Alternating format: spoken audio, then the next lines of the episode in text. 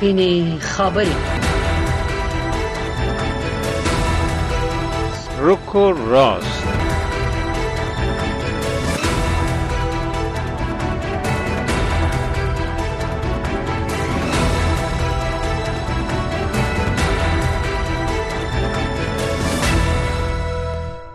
شنونده عزیز سلام عرض می‌کنم. احد عزیزاده هستم. خوشحال هستم که بازم با همکارم آقای دوست در خدمت شما قرار داریم تا برنامه روک و راست تقدیم بکنیم.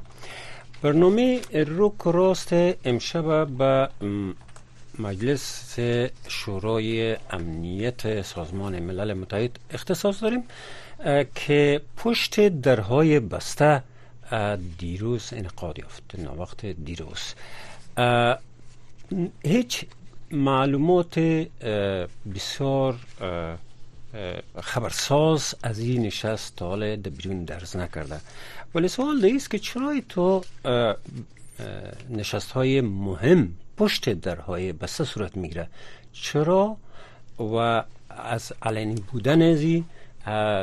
سازمان ملل متحد یا شورای امنیت سازمان ملل متحد همه حراس دارن. موضوع برنامه امشب به همین اختصاص دیم سلامونه او نیکی هیله. درنو دوستانو پروګرام ته په خیر راغلی. لکه څنګه چې عزیزاده صاحب ورته اشاره وکړه په نننۍ خبرونه کې د ملګرو ملتونو د امنیت شورا د غونډې په اړه بحث کوو. لکه څنګه چې تاسو پوهیږئ ملګری ملتونه د دوه په غونډه کې ونه توانیدل چې د افغانستان لپاره ځانګړی استازی وټاکي. په همدې مجلس کې د ملګرو ملتونو منشي انټونیو ګوتيريش ویل چې دوی خپل مشورو ته په دې برخه کې ادامه ورکوي او د دې مشورو په لړ کې د دوشنبه په ورځ د امنیت شورا غونډه وکړه. د غونډه د بند دروازو تر شا وشوه او جزئیات نه دی راوتلي. اما د ملګرو ملتونو ویاند سټیفن دجارک خبريالانو ته ویلي دي چې دوی به د استازي د ټاکلو کارته دوام ورکوي او بل اخره به دوی یو نتیجې ته سره ورسیږي نو په دې خبرونه کې دوه قدرمن ملمانه د ځان سره لرو چې دوی به پم دې موضوع مونږ سره بحث وکړي. اما ازاده صاحب که تاسو خوښوي مخکې لدینه چې ورشو بحث ته خبرونه بورو حتما. ویاند احمد الله چیوال ملګری ملتونه ډاډ ورکوي چې هرڅه ژر د افغانستان لپاره د دې سازمان نوې استازي وټاکل شي د ملګرو ملتونو د سرمنشي ویاند سټيفن دوجاریک پرون رسنوي ته وویل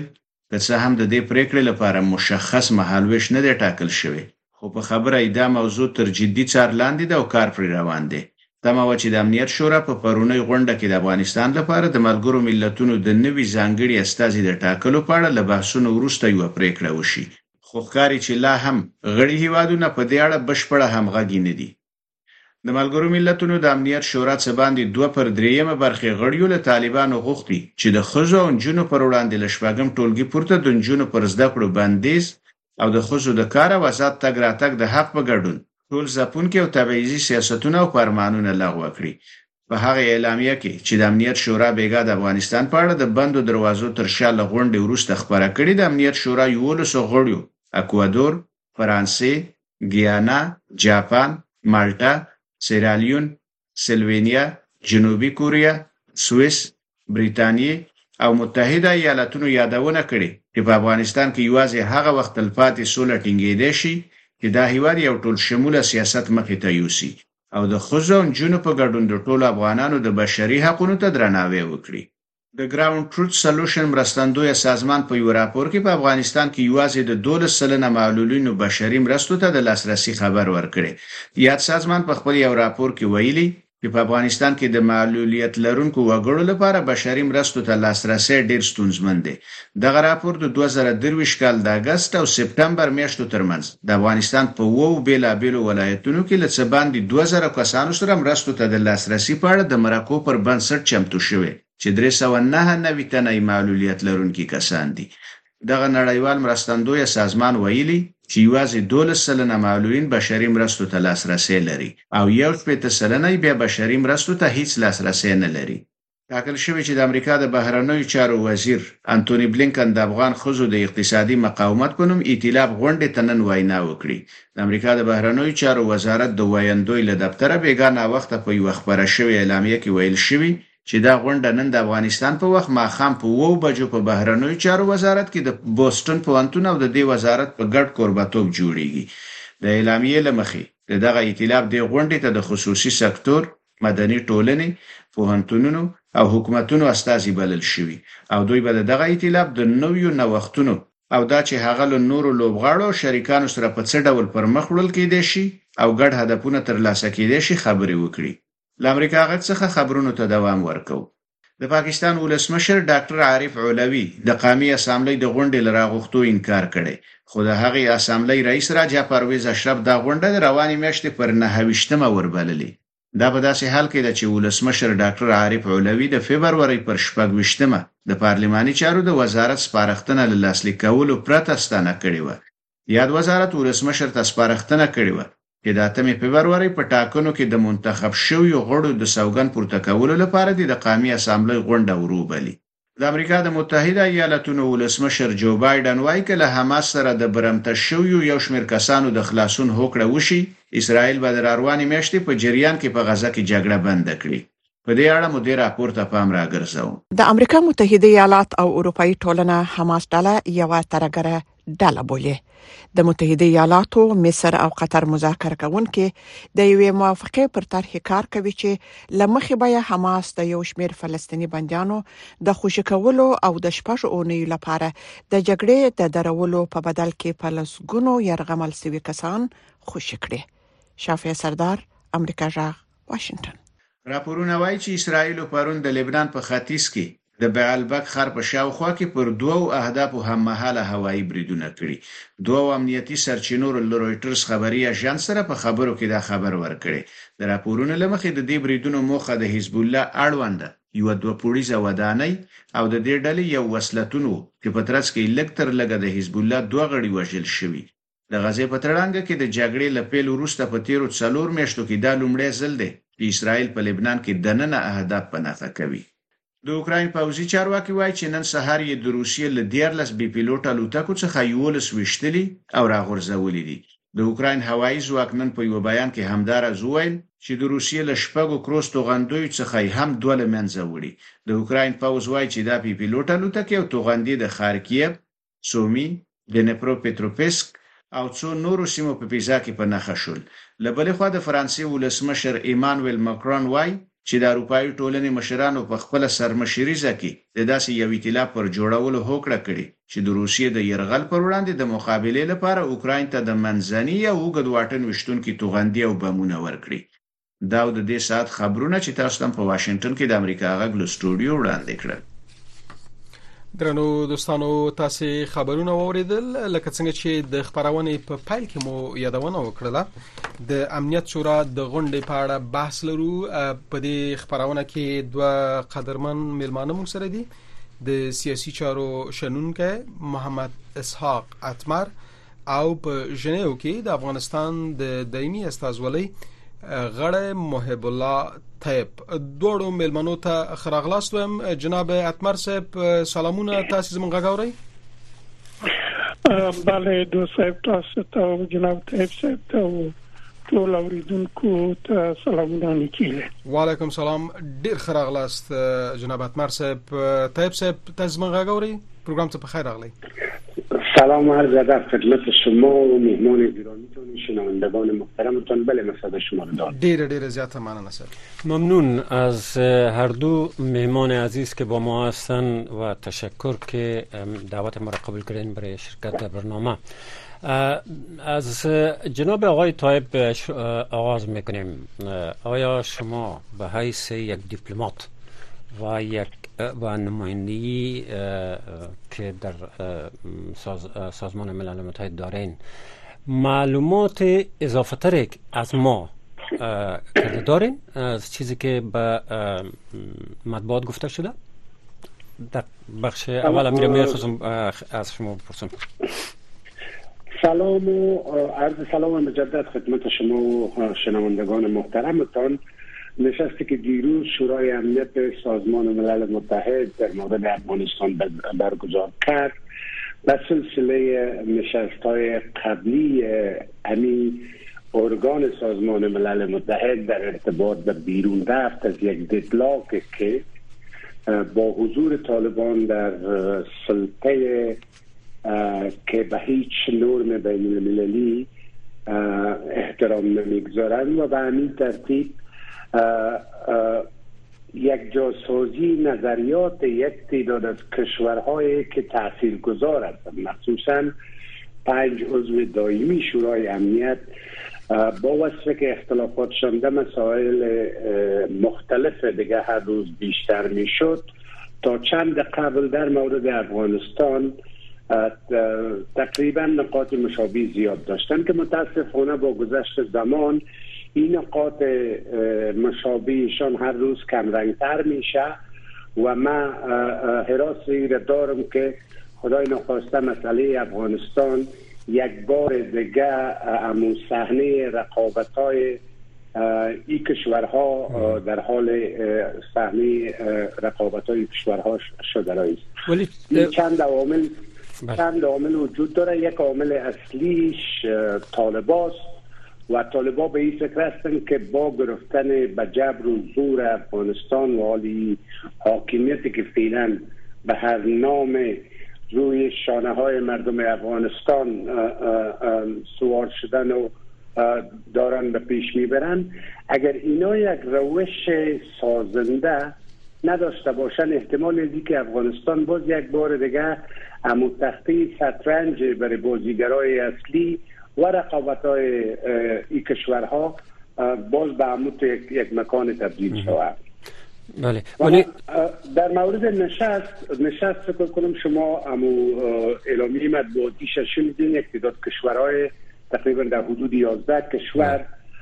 در مورد وضعیت حقوق بشر مخصوصا وضعیت زنان ابراز نگرانی کردن و از طالبا خواستن که به تعهدات بین المللی دولت افغانستان احترام بگذارند و مخصوصا این فرمانهایی که در قسمت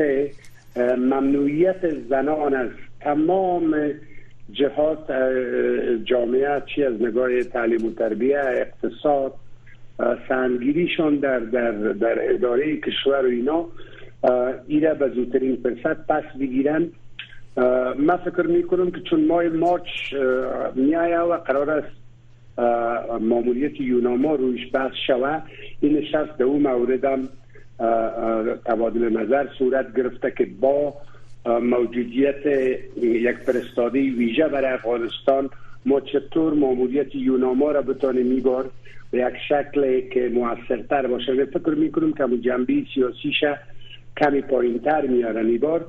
چون اگر فرستاده ویژه می باشه دیگه بحث سیاسی را می‌تونه که فرستاده ویژه کل سازمان ملل متحد ای به پیش ببره. یوناما در مسائل مثلا موضوع حقوق بشری و مسائل کمک های بشری و اینا بیشتر فعال خواهد شد. ډیر زیاته مننه طيب صاحب. اتمر صاحب د سې ګومان کېدل چې د ځانګړي استازي د ټاکلو سره طالبان مخالفت لري. اما کته سي د امنیت شورا دغه جوړښت وګوري او د دوی ترمنځ دغه اختلافات وګوري نو لورای ښکاری چې د نړیوال ټولنې په سطح هم هماهنګي نشته. مثلا که د روسیې د ریزونی سو او هغه وسیړو نو ګورو چې روسیا کاملا د طالبانو په طرف ولاړه ده او هر هغه څه چې طالبان ترې نه وغواړي دغه مجالسو کې هغه څه کوي لکه چې په اعلامیه کې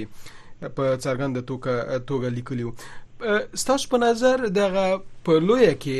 په نړیواله سطح د نظر اختلاف د افغانستان کشاله څونه ستونزمنه کړې ده که موږ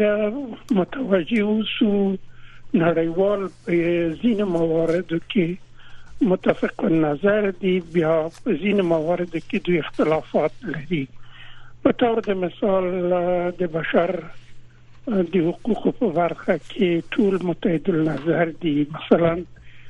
د خزو د تعلیم په برخه کې ټول متحد نظر دي په افغانستان کې د یو قانوني حکومت رامنځته کېدل دا ټول په دې باندې معتقد دي. لیکن یو شی چې هغه دوی سره بیلې هغه رقابتونه دي. مثلا اوس وخت کې دغه نوې بلاک چې وړي یعنی د غربي بلاک په مقابل کې جوړ شي یا جوړ شوی دوی په دغه رقابتونو کې هغه منطقوي مسائل د ابزار په توګه کاروي. لکه اوس د افغانستان په قضیه کې سره د دې نه چې شاید روسیا څو ځلې دا خبره کړې چې افغانستان کې باید یو فراگیر حکومت راشي د افغانستان حکومت باید د سیاسي حکومت چې قانون لري او په کې ټول افغانان خپل حق او حقوق پیژني دغه خبره چینم کوي چې افغانستان کې باید فرادي حکومت جوړ شي. د ترهګرۍ د اندېښنې مسله ده چې روس او چین په دې باندې باور لري. د منځني اسیا هیوادونو په دې باندې اندېښنه لري چې کې دې شي چې افغانستان یو ځل ترهګرۍ پیدا شي او سیمه کې خور شي نو دغه د دوی اختلاف نظرونه دي چې دوی غواړي په دغه مقطع کې امریکایان یا غربیان تر یو حد پورې تر فشار لاندې ونیسي. ګرچې کوم وګورو یعنی خپل روسیا څو میاشتې مخکې د طالبان مخالف ډله ته په مسکو کې زمينه مساعد کې چې دوی راشي کینی کانفرنس نیسی جلسات نیسی او همدغه سي دوی لامې خبرې کی لیکن اوس ګوري چې دغه روسان حمایت کوي چې دوی مدني ټولنه سره نه ګوري دغه نماینده سره په دغه شرط دوی توافق کړی چې طالبان دغه نماینده مني مونږ منو کني مني مونږ نه منو نو دغه سره دې ته راکې چې فکر وکړي چې دوی بیا دغه مسائل د سیمه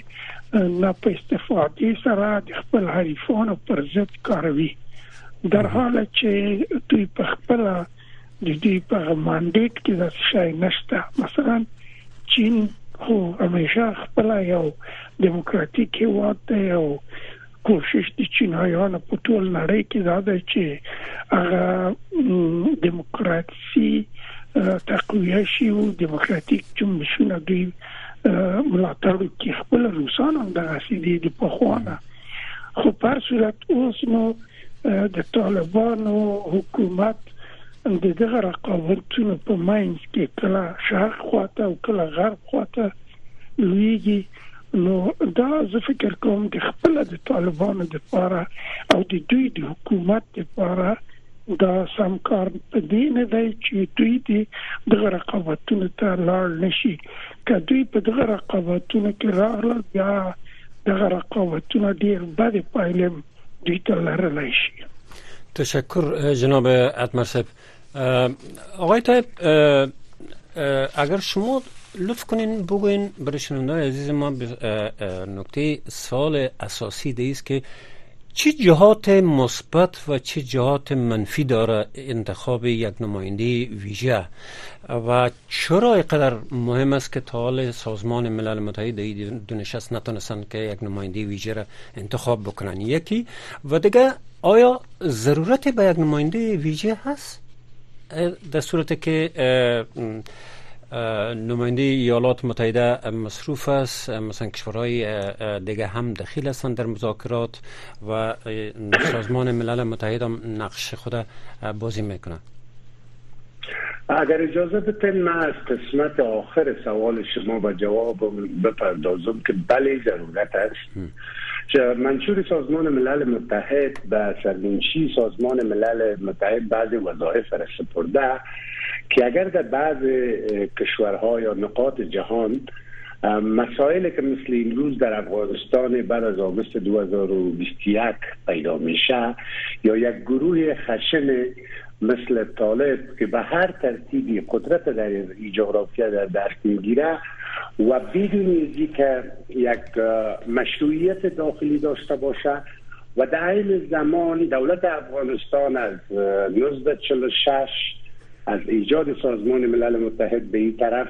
یک عضو فعال این نهاد بوده در 1948 از اولین کشورهایی است که اعلامی جهانی حقوق بشر تصویب کرده و به همین ترتیب از جمله ده کنونسیون مهم حقوق بشری عضویت هفت کنونسیون مهم دولت افغانستان دارد. اینا این گروه با واسه نادیده گرفتن تمام حقوق اساسی مردمی که در جغرافیا زندگی می‌کنن به همین تعهدات بین المللی دولت افغانستان هم هیچ احترام قائل نیستند مسئله دیگر مسئله خطر است که از ناحیه افغانستان جهان تهدید می‌کنه. جهان یک یک مثال از در سال 2001 داشت که از از جغرافی افغانستان حملات تا تا نیویورک و واشنگتن دی سی را هدف بگیره به همین ترتیب خطر افراطیتی که فکر طالب ایجاد می‌کنه فعلا کوریکولم های مکاتب و به همین ترتیب مدرسه سازی های اینا باعث از این میشه که در پنج سال آینده افغانستان پوتنشل بسیار زیاد برای صدور این فکر افراطی به اطراف خود داشته باشد. پس سکرتر جنرال یا سرمنچی سازمان ملل متحد وظیفه داره که در همچون موارد اینشیتیو در دست بگیره و تلاش بکنه که تا برای یک راه حل پیدا بکنه. قسم که این تلاش در شورای امنیت سازمان ملل متحد از مارچ 2022 شروع شد و بالاخره سکرتری سرمنشی سازمان ملل متحد دید که یوناما قادر نیست امی mandate سیاسیش به صورت درست در افغانستان پیش ببره و ارزیابی عمومی که توسط سفیر سلوبی صورت گرفت و گزارشش به شورای امنیت رفت توصیه هایی که در این ارزیابی آمده یکی از خواستاش دو خواست بسیار مهم است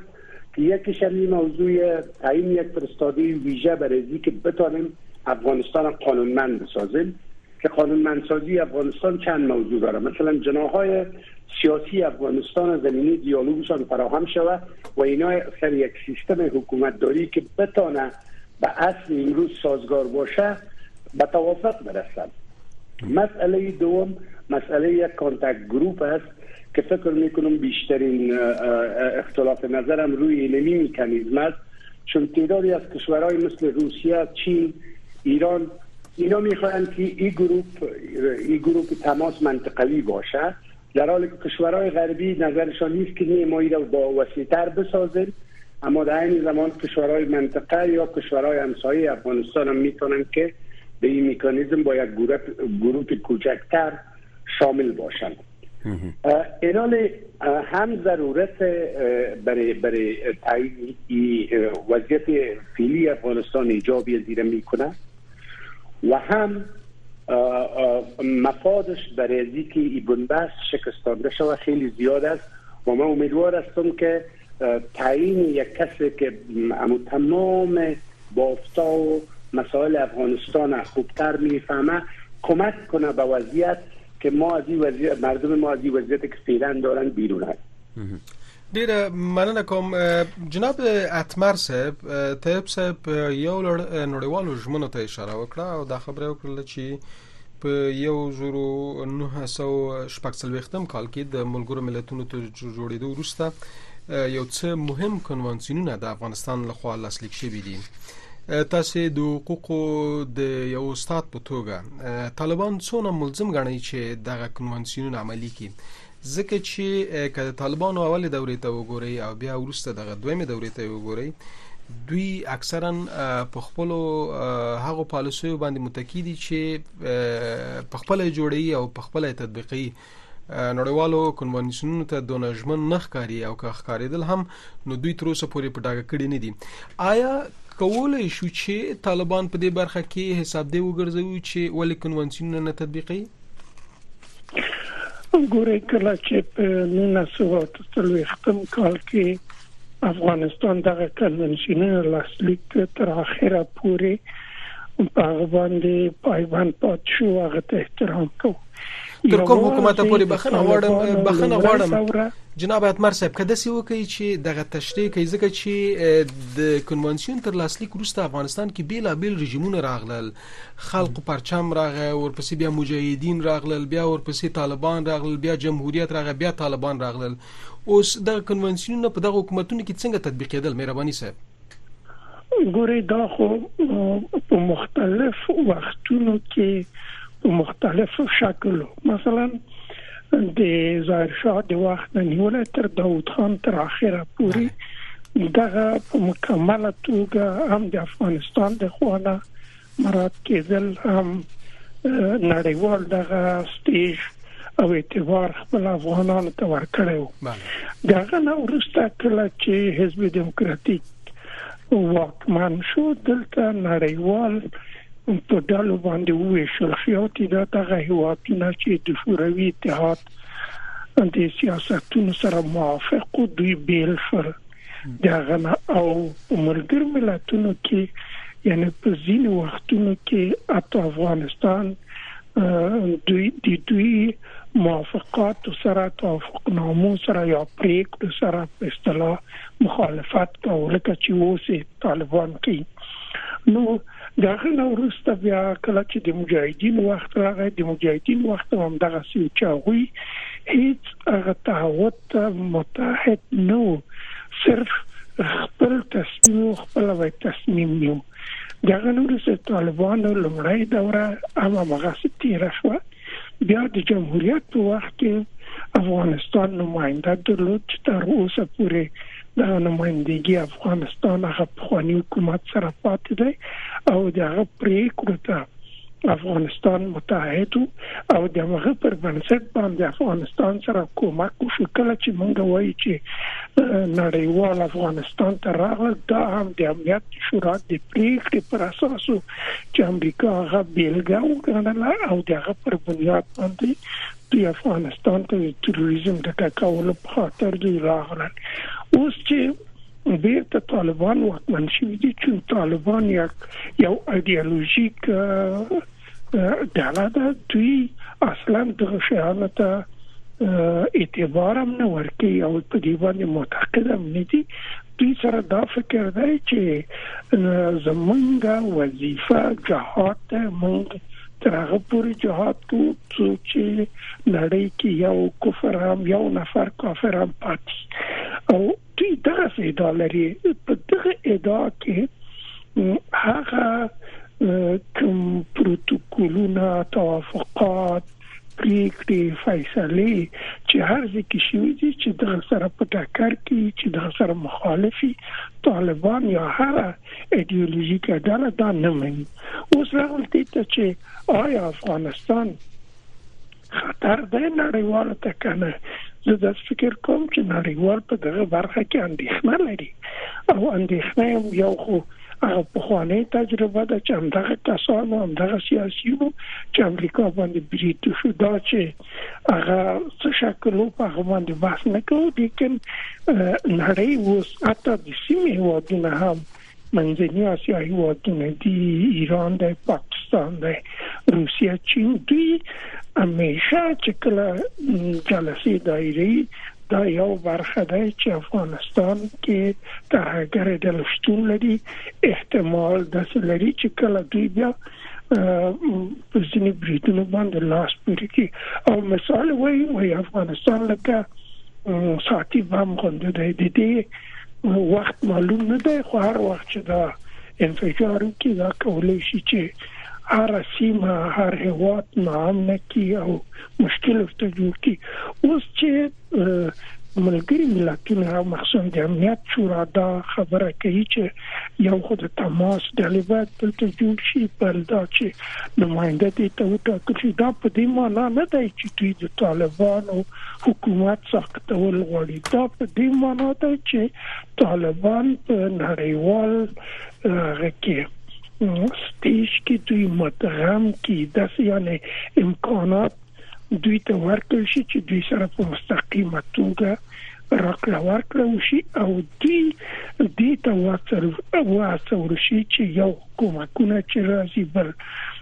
افغانستان باید هغه سیوات نه چې هغه ترهګری خور کی بل په افغانستان کې باید د حکومت چې د قانون لري.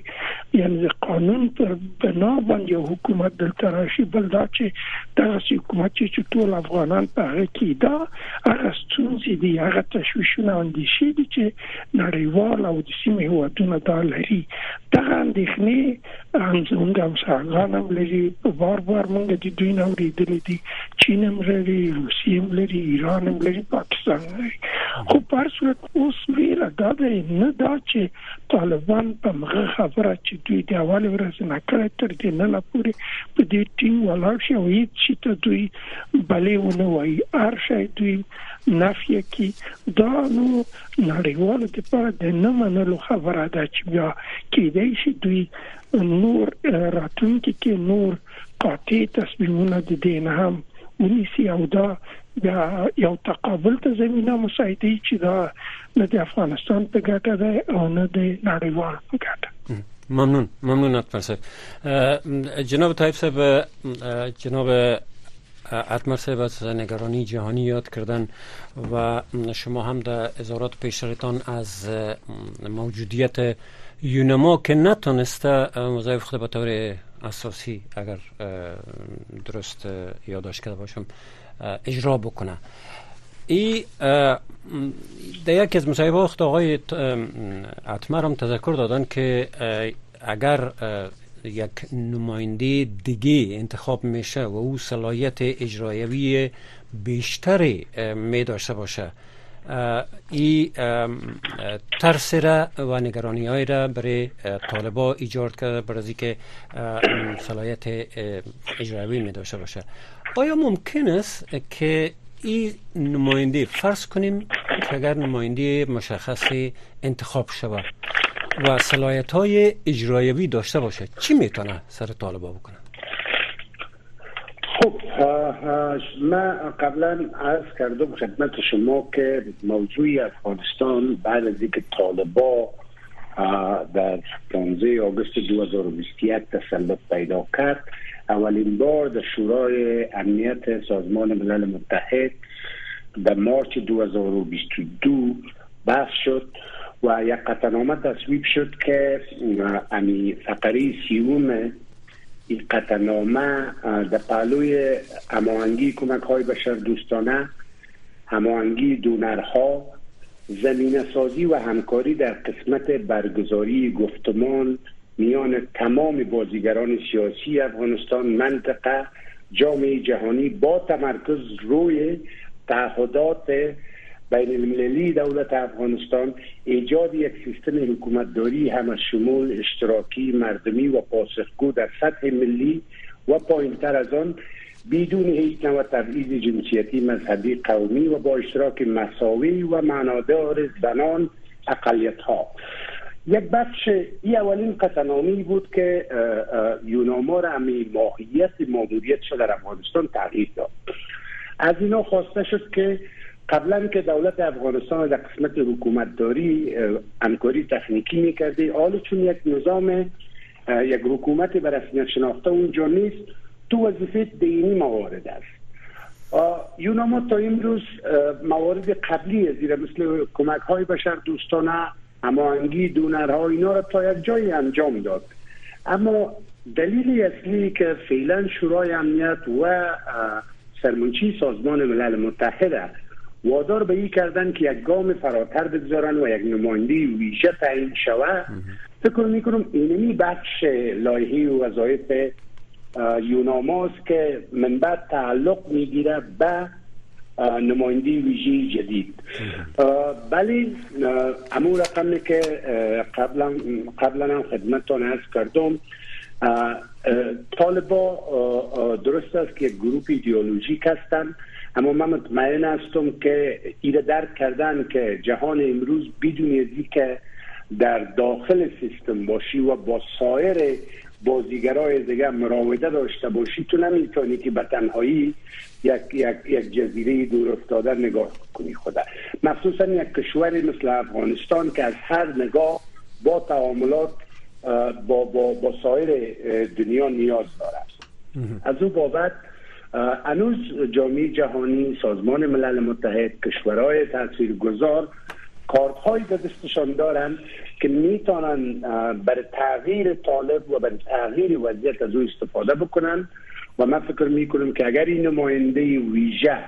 همین ماموریت را که تا امروز یوناما نتانست به صورت درست انجام بده که این قابل پیش بینی هم بود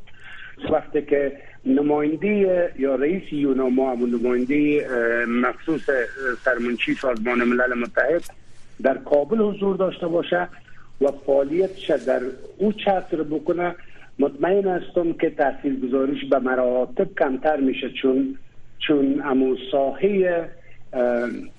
ای که تاثیر گذاریش یا قوتش به مراتب کمتر میشه چون در ساحه و ساحه تحت کنترل طالب است.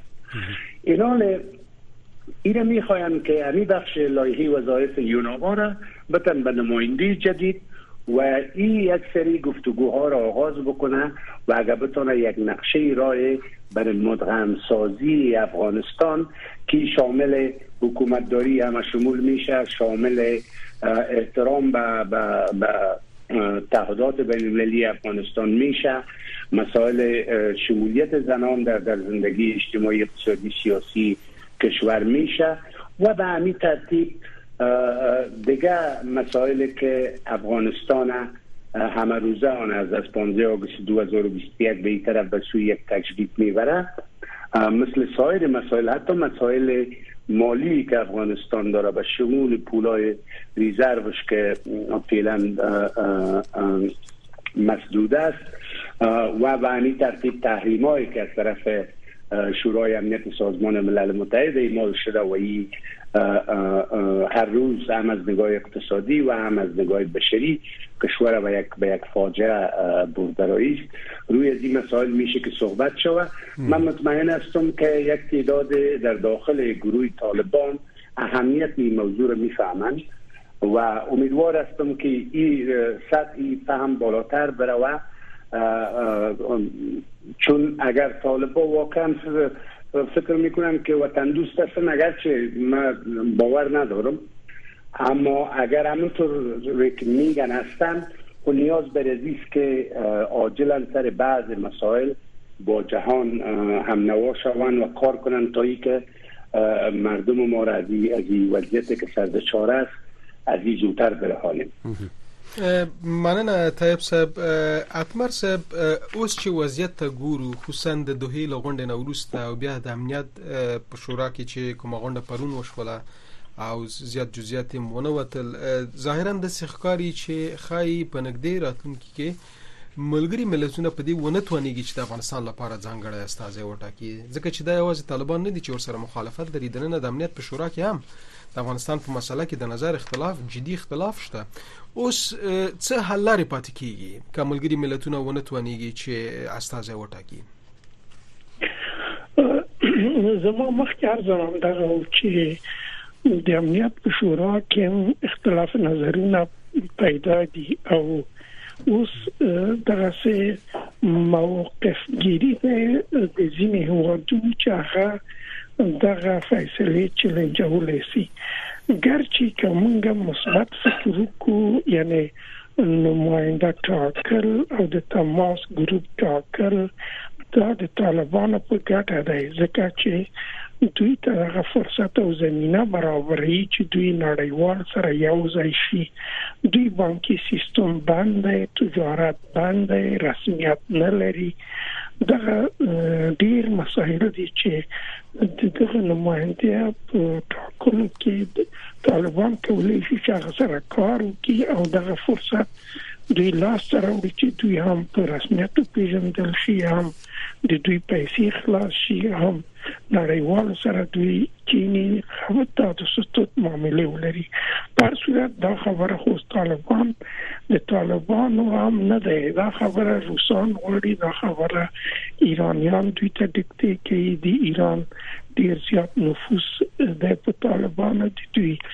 روابط ډیر زیات نږدې دي. نو د طالبانو د کارت نه هغه رقابتونه چې د روس او د امریکا او د ایران د امریکا چین د امریکا ترمنځ د هیوادونو استفاده کوي او دا زمونږه په تاوان دی. پات شو دا چې طالبان ولې دې سره مخالفت کوي طالبان د فکر کوي چې دغه نماینده به موږ باندې لکه یو امر وسی او د دې خبره به موږ مجبور شي. د عملي در حال چې زه فکر نه کوم دغه سي د تماس ګروپ د دې لپاره کار کوي چې څنګه کولای شي دغه ستونزې طالبان سره حل کی د تماس ډلې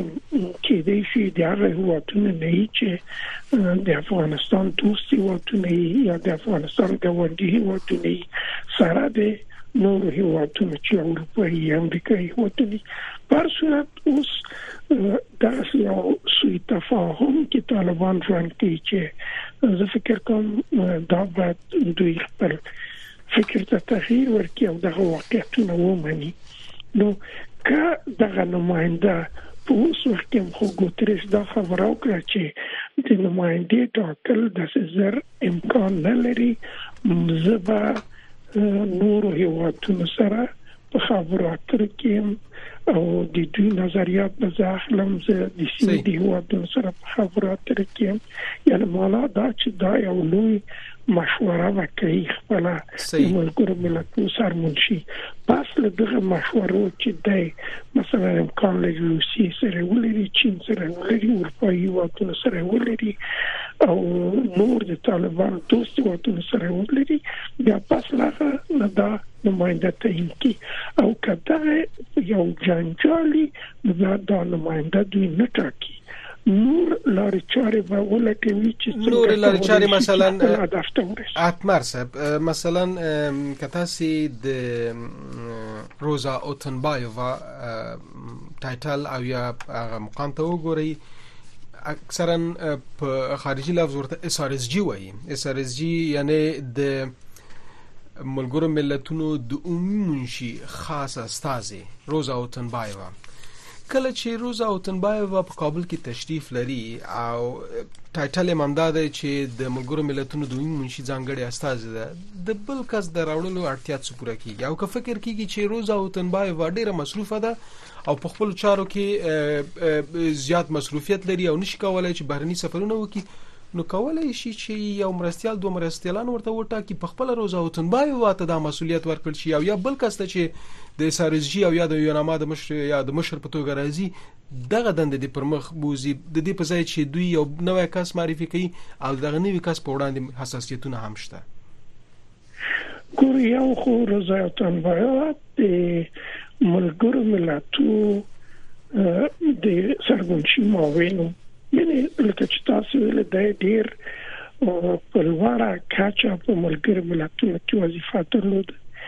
د یوناما مسولیتونه دا نه دي چې سیاسي بحثونه سیاسي گفتمان په لار واچي یوناما نهاد سازي د حکومتونو د دولتونو لکه د ازادي بیان د حقوق بشر د بشري مرستو د حکومتداري حکومت کې مثلا نور دا سه مسایل چې رامنځته کیږي لکه انتخابات او دا خبرې دي کې د یوناما مسولیت دی پات شو دا مسله چې دا یو سیاسي بحث او جریان وی دا یو خاص نفر ته ضرورت لري لکه چې خپل کډیر ساده مثال تاسو سره لکه خلیلزاد چې د امریکا نماینده او خلیلزاد د طالبانو د امریکا ترمنځ دغه ماموریت درلود. اوس چې لکه ټام وست لري. یعنی دا اوس نماینده په دې معنی دی چې دا به هم د افغانستان د طالبانو د حکومت سره ګوري هم د دوی د مخالفینو سره ګوري دا یوازې سټیشن ماموریت نه دی د دې سفر بسیم کې روسي ته سفر کې چین ته سفر کې ایران ته سفر کې پاکستان ته سفر کې هند ته سفر کې اروپا ته سفر کې نو دا یو لوی کار دی چې وطنبایوا دا د دغه مسؤلیتونو سره سره دا نور یو بل مسؤلیت یو بل مسؤلیت دی نشي عملي کولای نو ځکه ملګری ملتونه په دې فکر کې شو چې یو نماینده وټاکي چې دغه نماینده هم با صلاحیت وي هم د خبرو اترو دغه د نیګوسیشن مهارت لري دا خو ارڅوک دا کار نشي کولای. یعنی روزا او تنبا اگر چې خپل صدر اعظم تیر شوی. یعنی په سیاسي مسایلو کې ډیر وارد دی ما د مجلس د نشټین مخامخ سره کړی او ډیر په خزه دی. لیکن دغه ماموریت داسې یو ماموریت دی چې مسولیت ډیر دی او دا باید نیګوشیټر وي. چې ډیر دغه د خبرو اترو په برخه کې یو ماهر سره وي. یعنی برازي ماموریت ساخته نشه. دغه ماموریت چې اوس ملګری ملتونه وایي دا د سینیرلی اوغلو د سفارش پر اساس د خپل ملګری ملتونو د تصمیم نه لري یا نه دی درلودل خو کله چې سینریل د خپل گزارش ته ولیکه د سفارو کوشپک مشت افغانستان ته تاګ راته دغه پیشنهاد ملګری ملتونو ته دا و چې یو نماینده وته شي چې دغه اوسنی بحران لپاره د او ټکی کې د افغانان سره یو ټکی یو دغه مشکل حل شي. یعنی مقدار کارهای یونما را به دوش از او بنازن طایب صاحب حدود پنج دقیقه از برنامه ما وقت مانن ما اعضای جامعه مدنی و رهبران از رهبرا و از دیگه کسای دیگه که در مورد نشست دوها نظر دادن بسیار راضی نیستن. میگن نشست قبلی که در دوها دایر شد ناکام بوده نتونسته به اهداف خود برسه. برزی که در وقتی که طرف اصلی قضیه در اوجا نباشه شما بحث می‌کنین سر یک موضوعی که با طرف اصلی هم باید مذاکره صورت بگیره. شما به حیث نمایندگی دائمی افغانستان که فعلا هستین در ارتباطات مستقیم دیپلماتیک قرار دارین با سازمان ملل متحد چقدر چانس موفقیت برای تعیین یک نماینده با صلاحیت می‌بینین. چانس صد فیصد می‌بینم این نماینده تعیین میشه اگر طالبا بخواه نهایت چون طالبا اما قسمی که گفتم از نگاه خیلی از کشورها او اما ماهیت تعهدات دولت افغانستان از نظام بین المللی نمی‌تونن به جا بیارن و از این نگاه اکثریت به این فکر هستند که آنچه که در افغانستان فعلا اتفاق میفته و موجود است مشکل است. یک مشکل است و برای باید یک راه حل پیدا شود. طالبا طبعا در مراودای دو جانبیشان با یک تعداد از کشورها مثل که آل مسئله امی نرفتنشان به دوها اینطور نیست که زیاد از از نفهمیشان باشه. من مطمئن هستم که یک تعداد از کشورها با اینا در در نشست های دو جانبه به شکل متفاوتتر گپ می‌زنن. و این باعث از این میشه که طالبا باز مثلا جرأت میره بگیره که در پهلوی که کمک بشر دوستانه طلب می‌کنه. یا در هر مورد سفر از اینا یک بار شورای امنیت باز یک exception مجبور است بوده که احمد یا محمود وای که در لیست تعزیرات سازمان ملل است به یک سفر بروند. تمام این امی احتیاجات و ضروریاتشان نادیده گرفته پشت پا بزنند. بعضی از از گفتگوهای دو جانبه باعث از این میشه که طالبا به این شکل رفتار بکنن. یکی از از از از تشویش های عمده سرمنشی سازمان ملل متحد هم این موضوع است. سرمنشی سازمان ملل متحد میگه که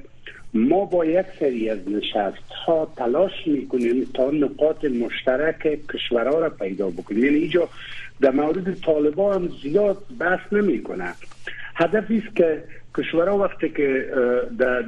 در مراودی دو جانبه با طالبا یک چیز صحبت می‌کنن اما وقتی که در در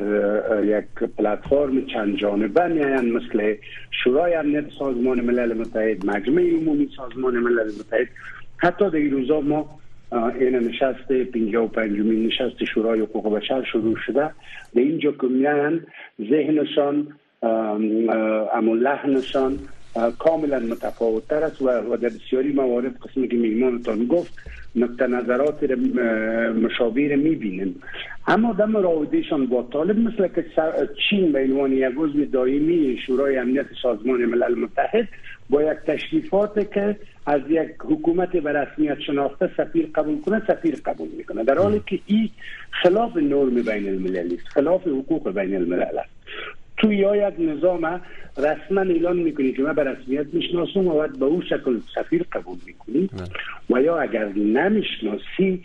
تو نیاز نداری که یک, یک, یک ملا را به او شکل تشریفات برش بگیری بله. اما. این در سطح دو جانبه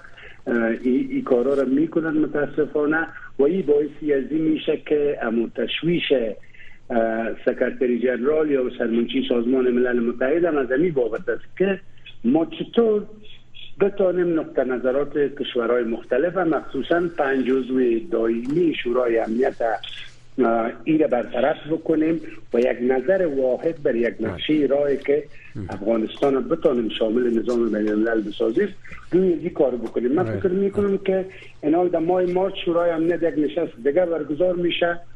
و قطعنامه سال 2022 تغییر خواهد خورد. یعنی همون لایحه وظایفی که یوناما داشتی تغییر می‌کنه یک بخش از میره به نمایندی ویژه که جدیدا تعیین میشه تا کارهای سیاسی و مذاکرات در مورد یک حکومت فراگیر. یک سیستمی که افغانستان بتانه مدغم بکنه به نظم بین المللی این نمایندی ویژه خواهد پیش تشکر تشکر جناب محب الله مستشار و مسئول حقوق بشر نمایندگی دائمی افغانستان در ژنو و جناب اسحاق اتمر تحلیلگر سیاسی از حضورتان در برنامه. برنامه ما متاسفانه در میجا و پایان می‌رسه. وقت ما با میمانای عزیز ما اما مشترکان با همه شما به اخبار افغانستان منطقه و جهان گوش میدیم.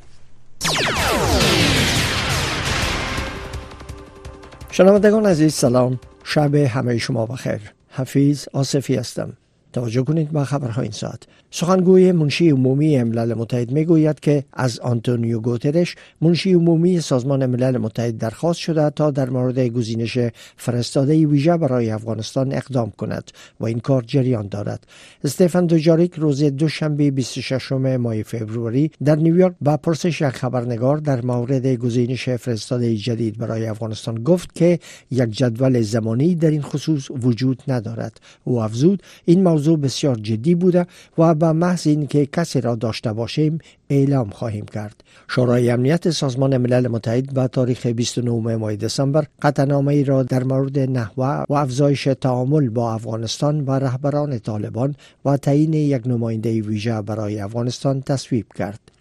بندبان سخنرانی رئیس شورای امنیت ملل متحد در مورد لغو دستورهای طالبان در خصوص محدودیت بر زنان افغانستان و برگزاری نشست این شورا در پشت درهای بسته شمار از مدافعان حقوق زن چنین روی کرده این شورا را مایوس کننده خواندند. کارولین رادریگز برکت رئیس شورای امنیت ملل متحد روز دوشنبه 26 ماه فوریه پیش از آغاز نشست در مورد افغانستان گفت که طالبان باید به صورت فوری پالیسی ها و فرمان هایی را لغو کنند که زنان و دختران را محدود کرده است. دفتر سخنگوی وزارت امور خارجه ایالات متحده گفته است که قرار است روز سه شنبه نشست ائتلاف برای مقاومت اقتصادی زنان و ابتکار مشترک این وزارت و پوهنتون بوستون برگزار شود. جزیات بیشتر را از فوزی ایسان میشنوید. این دفتر ناوقت روز دوشنبه 26 ماه فبروری در خبرنامه گفته است که وزیر خارجه ایالات متحده این نشست را رهبری خواهد کرد. بر اساس خبرنامه نشست ائتلاف برای مقاومت اقتصادی زنان افغانستان یک مشارکت عمومی و خصوصی بین وزارت امور خارجه و دانشگاه بوستن است که در سال 2022 توسط انتونی بلنکن راه اندازی شد. هدف این ابتکار حمایت از دسترسی زنان و دختران افغان به عرصه های آموزشی، کار و کار آفرینی خوانده شده است. خبرهای منطقه و جهان را از رادیو آشنا صدای امریکا می شنوید. حزب تحریک انصاف پاکستان می گوید که یک محکمه پاکستانی امران خان و همسرش بشرا بیبی را به روز سه شنبه به دریافت زمین من حیث رشوه در زمان صدارت آقای خان متهم کردند. امران خان از ماه اگست به این سو به دلیل محکومیت در چند قضیه قضایی محبوس است و دو قضیه مرتبط به فساد اداری او را تا ده سال از حضور در سیاست منع کرده است. محاکمه امران خان و همسرش در محوطه زندان صورت گرفت و هر این اتهامات را رد کردند. حزب تحریک انصاف ضمن محکوم کردن این محاکمه گفته است محاکمه هایی که پشت درهای زندان صورت می گیرد راه را برای تخلف از عدالت باز می کند جو بایدن رئیس جمهور ایالات متحده گفته است که اسرائیل مایل است که جنگ در غزه را در ماه رمضان متوقف سازد در صورتی که توافق برای رهایی تعداد گروگانان از جنگ گروه تندرو حماس حاصل شود. حماس توسط ایالات متحده و اتحادیه اروپا به عنوان یک سازمان تروریستی شناخته می شود مذاکره کنندگان از امریکا، مصر و قطر سرگرم کار بر سر چارچوب یک معامله هستند که بر اساس آن حماس تعداد از دهها گروگان را که در اختیار دارد در بدل تبادله زندانیان فلسطینی رها سازد و برای شش هفته جنگ متوقف گردد. امانوئل مکرون رئیس جمهور فرانسه روز دوشنبه در مورد اوکراین در نشستی که در آن 20 نماینده از کشورهای اروپایی حضور داشتند گفت که فرانسه نمی‌تواند اعزام نیروها را به اوکراین برای اطمینان از شکست روسیه در جنگ رد کند. اما هشدار داد که در این مرحله هنوز توافق آرا روی اعزام اساکر اروپایی با اوکراین وجود ندارد. زیرا متحدان اروپایی توافق کردند تا تلاش را برای ارسال مهمات بیشتر به کیف متمرکز سازند. او اضافه کرد که فرانسه از پیشنهاد جمهوری چک مبنی بر خرید مهمات از کشور سوم برای ارسال به اوکراین حمایت می کند هالند نیز متحد به هزینه معادل 100 میلیون دلار برای خرید مهمات از کشورهای دیگر جهان جهت کمک به اوکراین شده است. مطبوعات کوریای جنوبی روز سه شنبه به نقل از وزارت دفاع آن کشور گزارش داد که کوریای شمالی حدود 6700 کانتینر حامل مهمات نظامی را بر روسیه برای حمایت از جنگ علیه اوکراین ارسال کرده است. در یک کنفرانس مطبوعاتی به روز دوشنبه شین وونسک وزیر دفاع کوریای جنوبی گفت که این کانتینرها ممکن حامل بیش از 3000 سرگلوله توپ یا گلوله های 122 میلیمتری بوده باشد و اضافه کرد که صدها کارخانه تولید مهمات در کوریای شمالی به دلیل کمبود برق و مواد خام فقط تا سی درصد ظرفیت خود کار می کنند ولی کارخانه هایی که مهمات را برای روسیه تولید می کنند با تمام ظرفیت کار می کنند. این در حالی است که به اساس گزارش ها مسکو به کوریای شمالی کمک های فنی می کند و پیونگیانگ همچنان از روسیه خواهان کمک در عرصه دریافت تیاره ها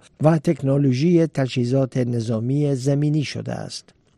پارلمان هنگری روز دوشنبه لایحه پیوستن سویدن را به ناتو تصویب کرد. با این اقدام راه یکجا شدن این کشور شمال اروپا به ناتو در حالی که جنگ در اوکراین ادامه دارد باز می شود هنگری آخرین کشور عضو ناتو است که عضویت سویدن را در این پیمان بعد از چندین ماه تعلل و تردید میپذیرد. و نریندرا مودی صدر هند روز دوشنبه فضانوردان را که بخش از مأموریت فضایی جا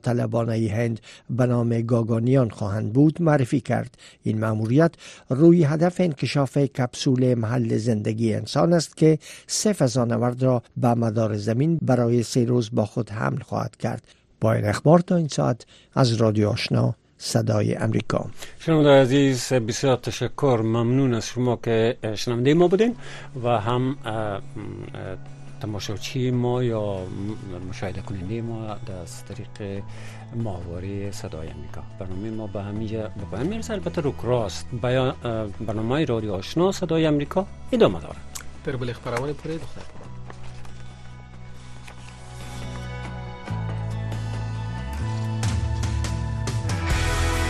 eu vou trazer esse efeito. Eu tô morrendo de